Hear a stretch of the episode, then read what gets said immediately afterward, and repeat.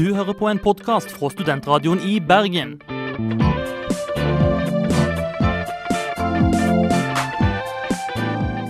Denne og mange andre flotte podkaster finner du på podkast.srib.no.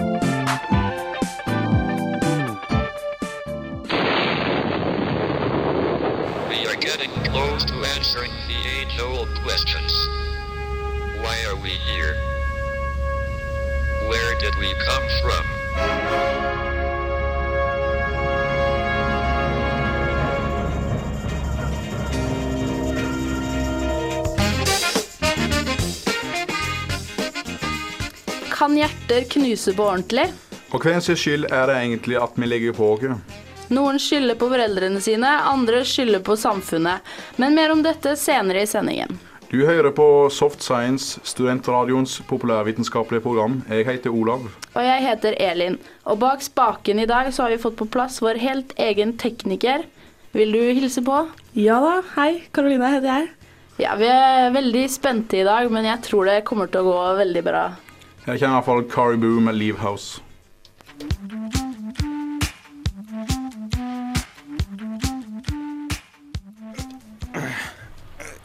Er du klar? Sånn. Da er jeg klar. Bare kutt tauet, du. Tre, to, én.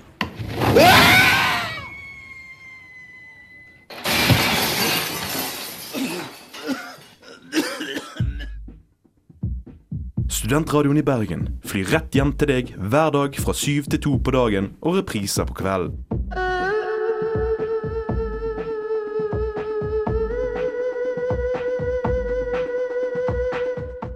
Nå skal vi ha eh, museumsprosjekt eh, 2014, som har fått eh, mye omtale i mediene siste tida. Men hva er det egentlig? Det har Øystein Lygre sett litt nærmere på.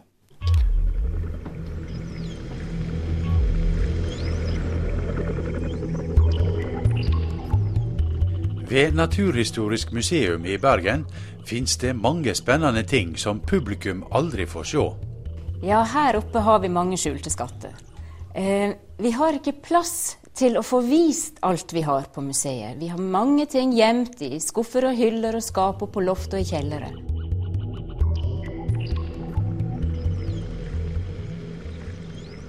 Vi begynte med et opptak fra Bergen museums nye presentasjonsfilm. Som det ble påpekt, har museet plassmangel, og dette er en av grunnene til at Universitetet i Bergen har startet et prosjekt for å få renovert det naturhistoriske museum. Vi har hørt med Sigmund Grønmo om hva som er planene for prosjektet. Ja, Det som skal gjøres er at vi eh, flytter eh, de eh, samlingene som ligger lagret i magasiner ut til mer forsvarlige lokaler, bl.a. i realfagsbygget. Dermed tømmer vi hele den fløyen som er nærmest studentsenteret. Og der får vi da plass til en universitetsaula, store auditorier og en større kafeteria. Og så skal vi samtidig uh, sette i stand den tårnsalen som ligger midt i bygningen.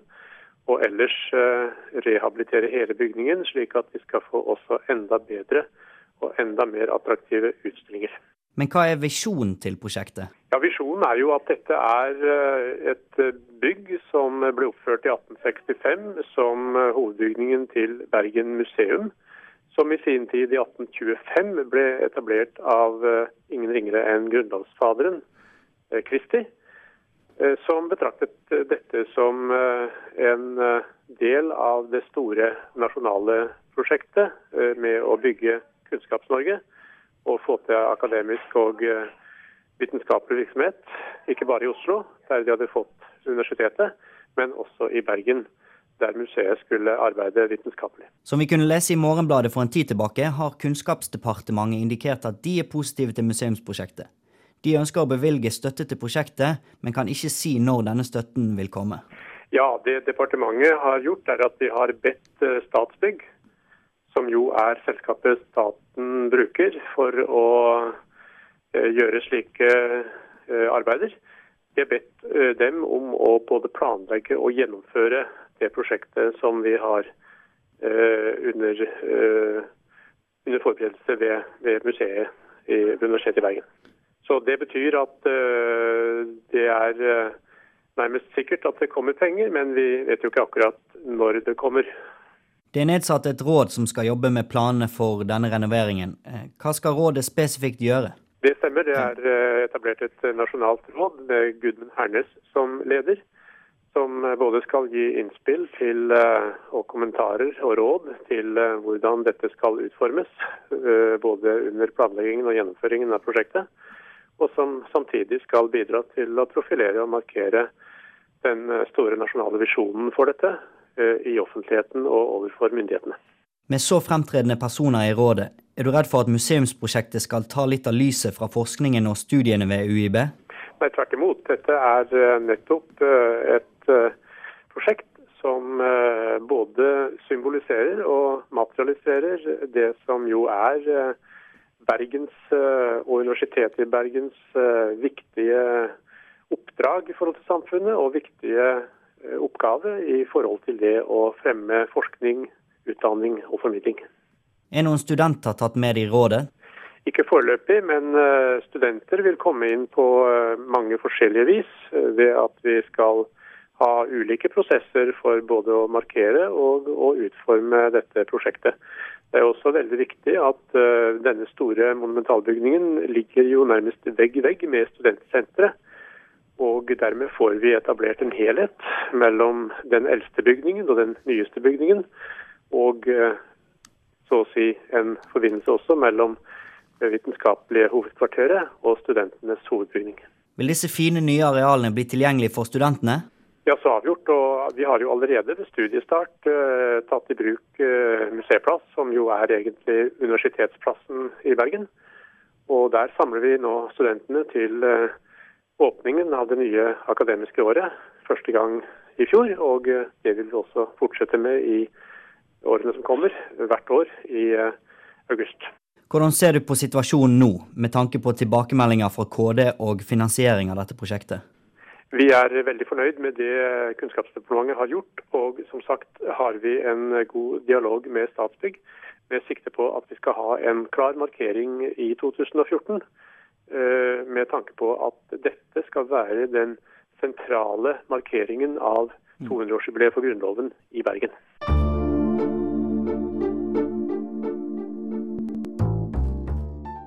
Da får vi håpe at de som ennå er studenter i 2014, eh, får oppleve at prosjektet blir klart til 17. mai, sånn at universitetet får en minneverdig 100-årsmarkering av grunnlovsdagen.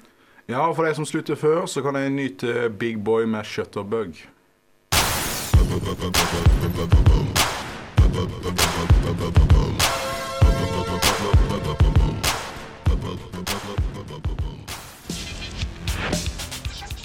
dette er Knut Jørgen Rød Ødegård.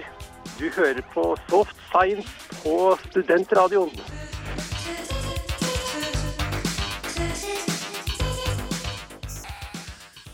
Vi har nå kommet til nyhetsdelen av sendingen, og først så har vi en veldig gledelig nyhet for oss i Soft Science, fordi Norge trapper opp innsatsen på forskning og utvikling mye raskere enn resten av Norden. Eh, Og ifølge ny statistikk for, eh, for forskning og utvikling, så så ser vi at realveksten i utgifter til forskning og utvikling i Norge var på 25% i perioden 2005 til 2008. Og det er mye sterkere vekst enn de Hva andre skjer med det, egentlig? Hvorfor er Norge så forbanna god på det? Nei, altså de er jo egentlig ikke det. Det, det bare ser sånn ut på papiret, for i utgangspunktet så er Norge mye, mye dårligere på, på, på å bruke penger på forskning. Næringslivet bruker mye mindre på forskning og utvikling her enn i nabolandene. Så til tross eh, for veksten i FoU i Norge, så øker BNP raskere, og gapet til nabolandene det blir ikke tetta, for de er rett og slett eh, mye bedre enn oss Så det norske næringslivet er mye mer ego enn det svenske og danske? Og det her er, kan jeg dessverre ikke svare 100% sikker på, men det virker rett og slett sånn. Så Ting som eh, tyder på det. Vi må rett og slett eh, si et alvorsord til eh, næringslivet i Norge. Bruk mer penger på forskning, så vi i Soft Science har noe å snakke om. Riktig. Du hadde noe du ville fortelle ja, verden? eh, av ting som en lurer på hvorfor blir forska på, så er bl.a. latteren til hyenene noe som eh, en del forskere har brukt veldig lang tid på Og det vil jo Altså, det, når de har byttet sitt i kjeften og sigler og det blør, så ler de godt. Eh, og da vil jeg jo tro at dette er veldig ondskapsfullt. Ja, Men, det, eh, jeg har jo sett 'Løvenes konge', så jeg vil anta det. Ja, kvinnen har ikke vært deppa over det? Altså, altså Nei, men altså, Det er en kommunikasjonsform det altså, i forhold til som syner alder og identitet og rang til den forskjellige ena.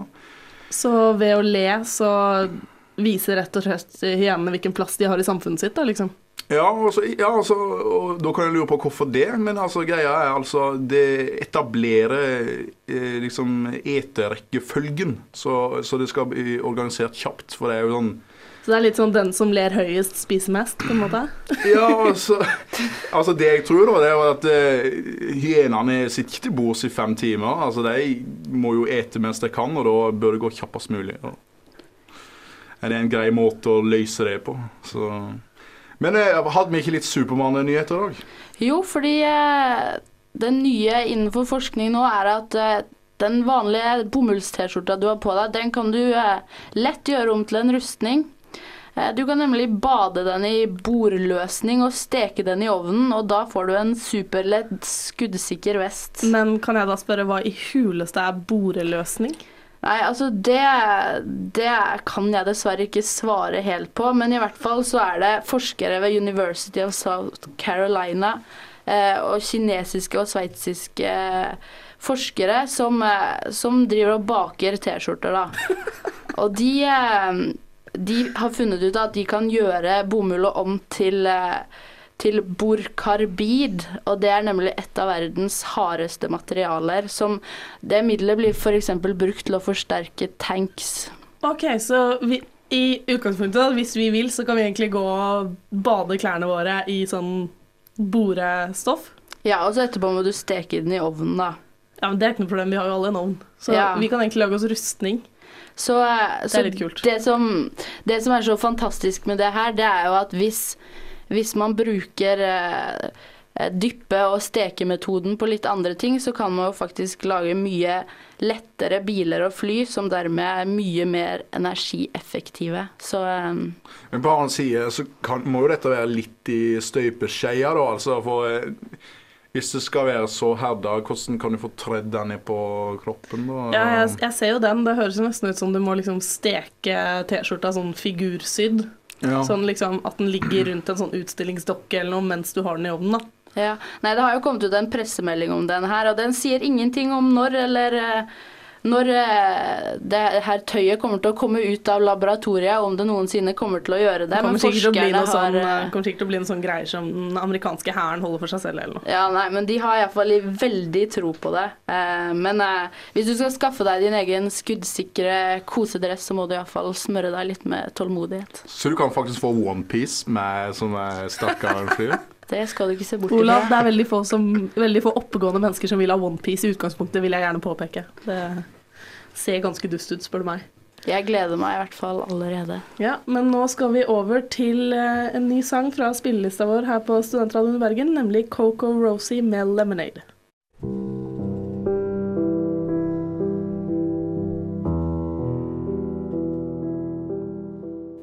Vi har kommet over til den mer kroppslige delen av sendingen. Vi skal eh, bl.a. høre om hvorfor man blir feit, og vi skal lære om underbevisstheten. Men nå er det et interessant innslag om eh, en av de særeste måtene å dø på, nemlig broken heart. Og eh, det er jo mange som er kjent på den kjensla, ikke meg sjøl akkurat, men i hvert fall når vi hører på Alisha Kish med sin flotte låt som vi sagt ikke skal få høre her i dag. Men her kommer innslaget.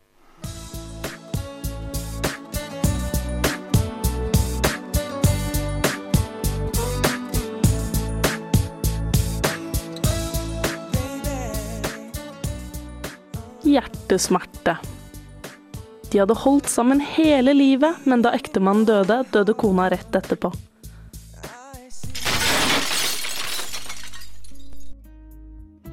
Slike historier hører vi stadig i media, men går det faktisk an å dø av et knust hjerte?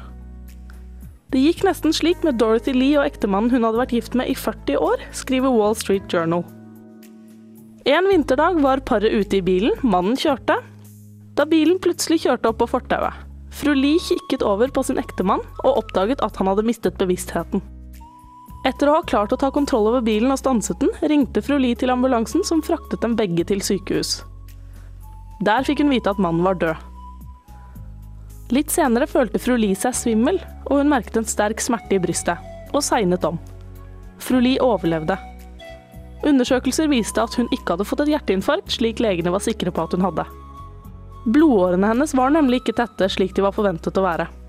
Konklusjonen var at fru Lie hadde fått det som kalles hjertebristsyndrom.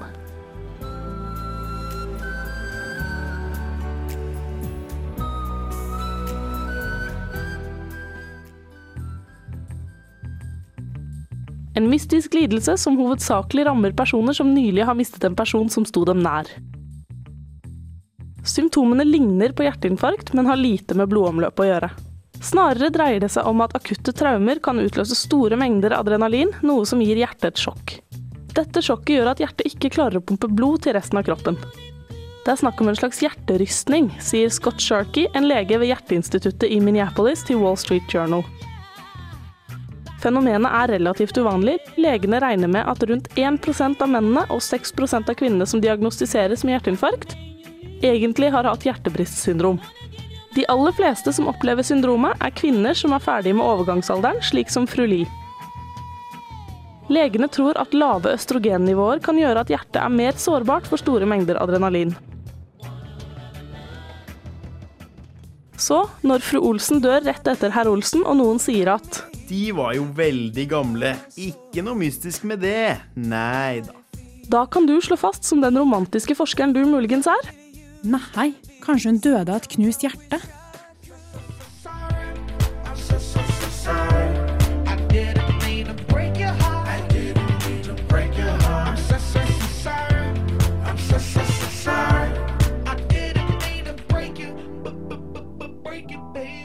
Ja, ryktene sier at eh, typen fortsatt ikke har dumpa hun, men Karoline som eh, sitter her i studio, var iallfall veldig opptatt av kjærlighetssorg denne uken. Ja, det er jo veldig gøy. Man kan jo ikke si noe særlig mer enn det. Det er jo helt fantastisk det at noen faktisk kan dø av et knust hjerte. Det er romantisk. Gøy og gøy, jeg vet ikke. Det er ganske fascinerende da, i hvert fall. Men uh, nå skal vi over til um, bandet Plan B med sangen She Said.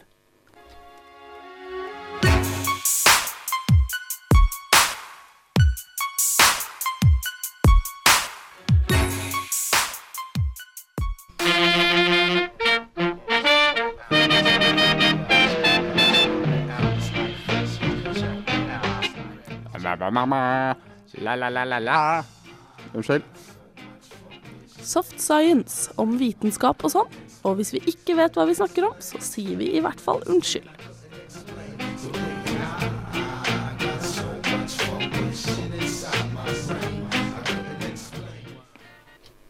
I disse vårlige tider er det mange som begynner å stresse med å få sommerkropp 2010 i form til bikinien. Hva med deg, Olav? Er du, eh, Nei, jeg tenker ikke så veldig nøye på det. du er ikke plaga med det, altså? Nei, nei, altså Jeg skal jo se på bikinien, skal jo ikke ha den på meg, så Nei, men du føler ikke et press om å se bra ut på stranda? Nei, altså det handler, det handler om sjølfølelse. Så lenge du har det, så trenger du ikke være Elin, bra fyren har, fyren har kam i baklomma. Jeg tror det går fint med han. Ja. Nei, fordi det er iallfall veldig mange som eh, ser det som et nederlag, da. Å være, være tynnere enn eh, folka på TV. Og ehm, da er det jo kjipt å ikke få til å få drømmekroppen. Ja, jeg ser jo den, men eh, nå skal vi høre litt om eh, hvorfor man eh, faktisk blir feit.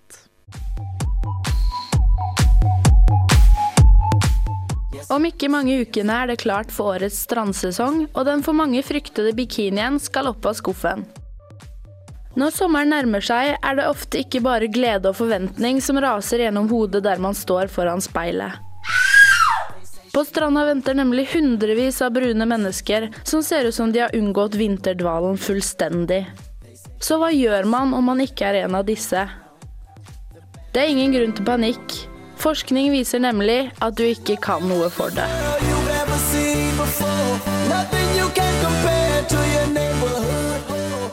Man trenger altså ikke bare å skylde på manglende viljestyrke når det kommer til spørsmålet om hvorfor vi blir feite. Live Science har funnet åtte grunner til hvorfor vi legger på oss, og her er noen av dem. Myndighetene. I 1998 ble 29 millioner amerikanske mennesker overvektige uten å legge på seg et gram. Myndighetene senker terskelen for når man skal klassifisere en person som overvektig, og slik er det også i Norge. Før var vi normale dersom vi hadde en BMI på under 28 for menn og 27 for kvinner. Nå er det bare BMI på under 25 som er vurdert som sunn. Foreldrene dine. Tynne mennesker eksisterer fremdeles. Dette er menneskene med de heldige genene. Forskere har nå funnet ut at gener sannsynligvis har noe å si for hvor lett man føler seg mett. Venner. Folk bedømmer sin egen vekt basert på andre. Forskning har vist at hvis vennene dine er feite, så er det sannsynlig at du også kommer til å bli med i overvekstklubben. Selv om de overvektige vennene dine bor langt unna deg.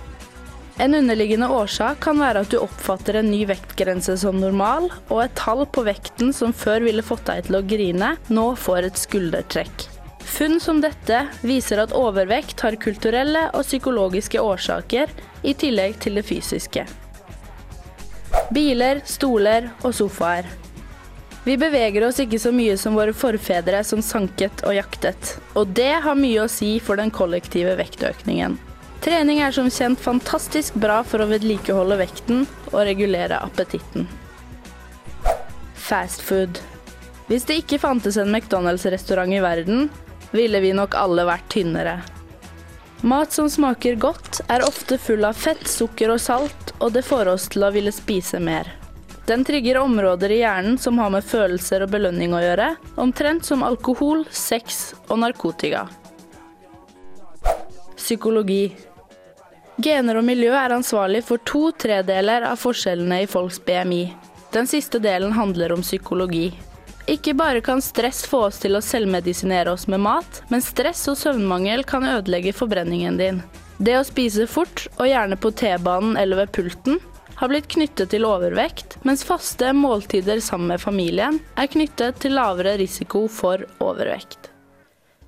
God sommer!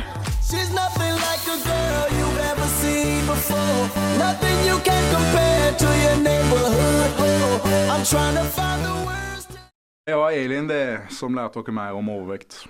Og nå skal vi over til en av våre yndlingssanger her i Soft Science. I hvert fall er jeg veldig glad i den, og det er nemlig Snoop Dogg og Kid Curie med den litt dendrofile sangen That Tree.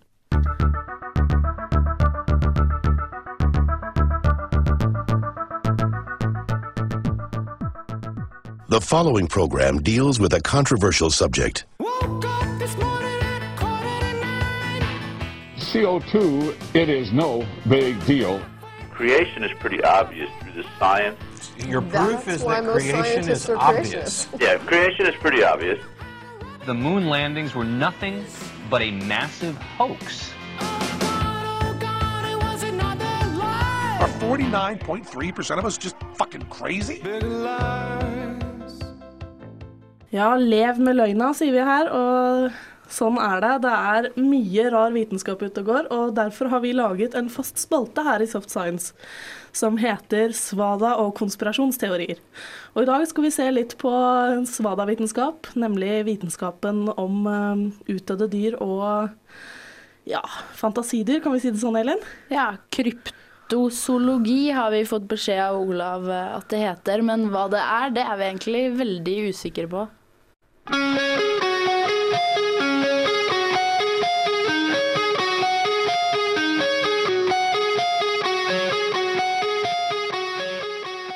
Biologi eller svermeri. Kryptozoologene er ei omdiskutert gruppe i forskningsmiljøet. Spørsmålet er har kryptozoologene som fagfolk noensinne bidratt med noe positivt til biologien? Ikke så veldig mye, synes det seg. Bortsett fra kanskje at de minner oss om at det finnes mange ukjente arter der ute. Men med ni millioner ennå ikke oppdaga insekter er det kanskje ikke en nødvendig påminning. Nå har det seg imidlertid slik at få andre enn entomologer lar seg hisse opp av tanken på myriader av ukjente maur, og kryptozoologene er, som vi har sett, stort sett interessert i store dyr. Hva har kryptozoologene å skryte av?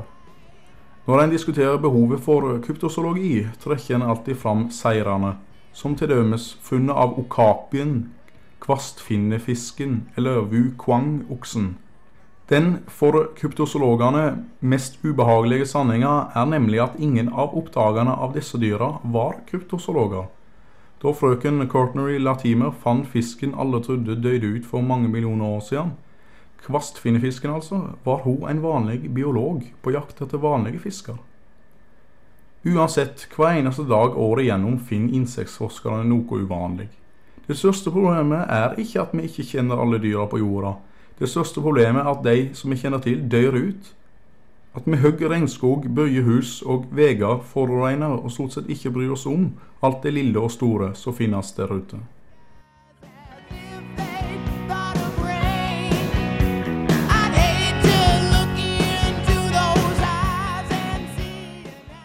Det var eh, deg det, Olav, som hadde laget et fint lite, hva skal man si, et Snap-innslag om uh, kryptozoologi, og at de egentlig ikke har oppdaget noe av det de liker å tro at de har oppdaget. Det syns jeg var et veldig koselig innslag.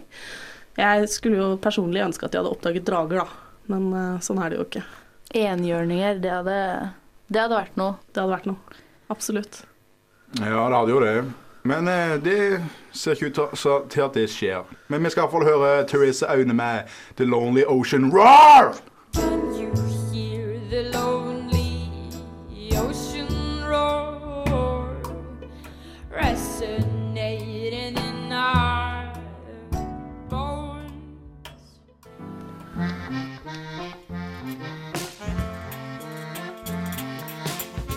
Har du problemer med andre kanaler? Hei, jeg tenkte på en ting som jeg lurte på. Hva var det? Vet ikke. Kan du gi meg svar? Mm, TV er dritkjedelig. Alt skjer på radio nå til dags. Gjør det? Studentradioen. Det er her det skjer. Ja, vi i Soft Science så eh, i hvert fall på hjernevask på mandag. Og, og man kan ha et dårligere førsteinntrykk f.eks. av mørke afrikanere. Og det er ikke nødvendigvis fordi man er rasist, men eh, det kan være pga. noe ubevisst. Ja, mennesker har jo alltid vært redd for det ukjente, så da finnes det bare en løsning på det, å bli kjent med det. Ja, men vi kan ofte skremmes av en del ting uten at vi vet det selv. Og forskere har prøvd ut det her i et eksperiment der de brukte bilder av skremmende ansiktsuttrykk, og de ansiktene ble vist i veldig kort tid, bare i en eh, tredjedel av et sekund, og så ble et bilde med et helt nøytralt ansiktsuttrykk eh, eh, ført opp på skjermen etter det. Og de skremmende ansiktene ble vist i så kort tid at personene ikke oppfattet de. Men da de studerte hjernebilder av personene, så så de at det utløste en ubevisst an- angstreaksjon da pga. de Spesielt. skumle ansiktsuttrykkene. Eh, det er mange spørsmål og svar rundt det vi ikke er bevisst på, men eh, vi har forsøkt å se litt nærmere på det.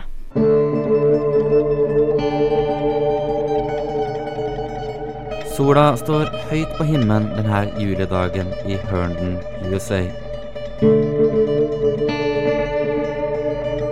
Ingen skyer er i sikte. Den 49 år gamle forretningsmannen Miles Harrison er på vei til jobb. Underveis må han ta mange telefoner for å ordne opp i problemer på jobben.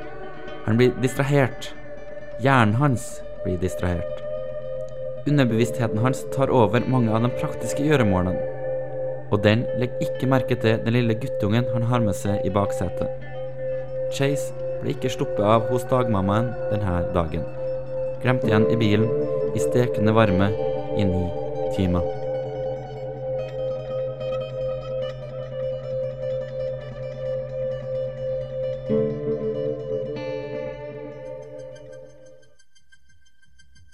Når mennesket ikke er ved full bevissthet, da kan fatale ting skje. Bare i USA skjer det rundt 20 ganger hvert år at barn dør i sommermånedene fordi de glemmes igjen i bilen. Ofte skyldes det uhell, fordi man er under såpass med stress og har så mye mangel på søvn og lignende. Da kan en eldre del av hjernen ta over styringa. Denne delen, basalgangliene, er den samme hos mange dyr, bl.a. reptiler og fisk. Denne delen tar seg av rutinemessige gjøremål, som f.eks. å kjøre bil. Da kan de mer avanserte delene av hjernen, som prefrontal cortex og hippocampus, brukes til å planlegge dagen en har foran seg. Mange har kanskje merka at de har kjørt fra A til B uten å huske noe av det. Da har den underbevisste delen av hjernen tatt seg av kjøringa totalt. I ekstreme tilfeller kan den ta såpass mye over at den glemmer igjen ungen i baksetet. And if I only could make a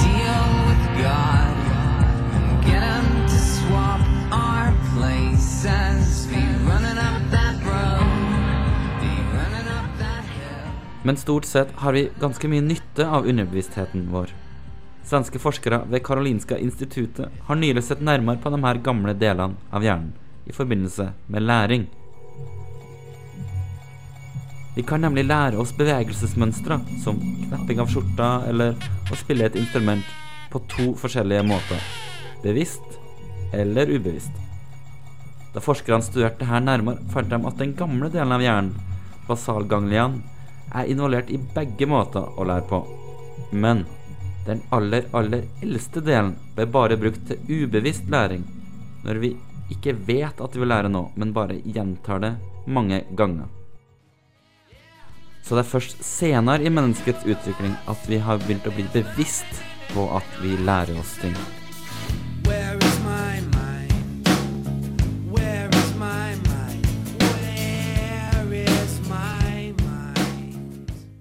Underbevisstheten blir ikke bare sett på som nyttig for å lære ting, men også for å ta de beste avgjørelsene.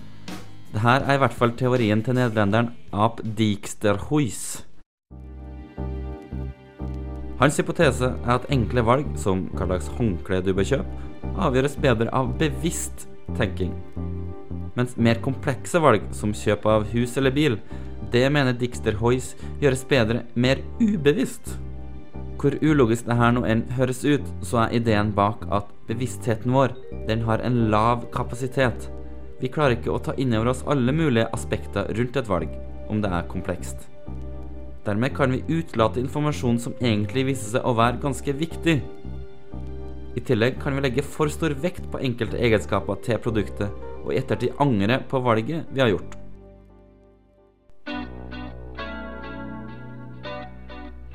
Vi kan også huske ting som bevisstheten ikke er klar over. Forskere ved universitetet i California viste dette i et forsøk. De viste frivillige 50 bilder av ansikter med et landskap i bakgrunnen. Etterpå viste de forsøkskaninene bilde av landskapet og bilder av tre forskjellige ansikter. Hva slags ansikt hadde blitt vist på det landskapsbildet tidligere?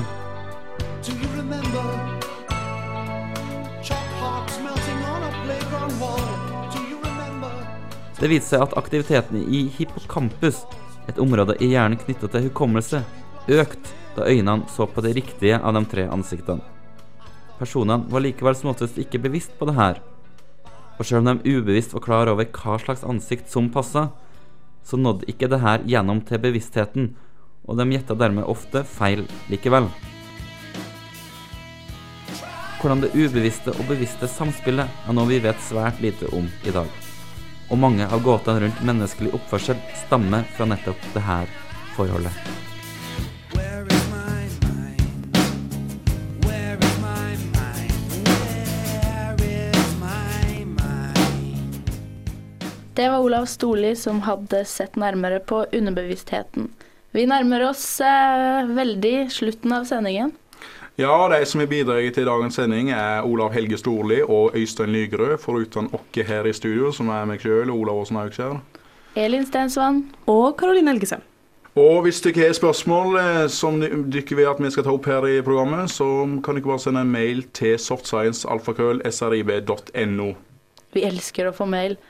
Du kan også eh, finne oss på Facebook eller eh, Twitter. Og hvis du eh, har lyst til å høre videre på SRIB, så blir vi veldig glad, for nå kommer nemlig Asosialistisk Venstreparti med det nyeste på feministfronten. Men først skal dere få høre en fantastisk sang fra spillelista vår, nemlig Cults med Go Outside.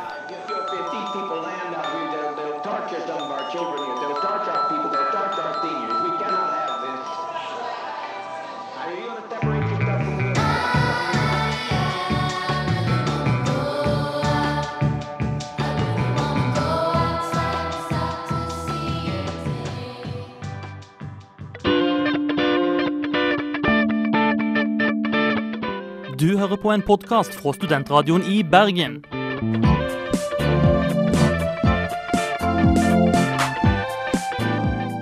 Denne og mange andre flotte podkaster finner du på podkast.srib.no.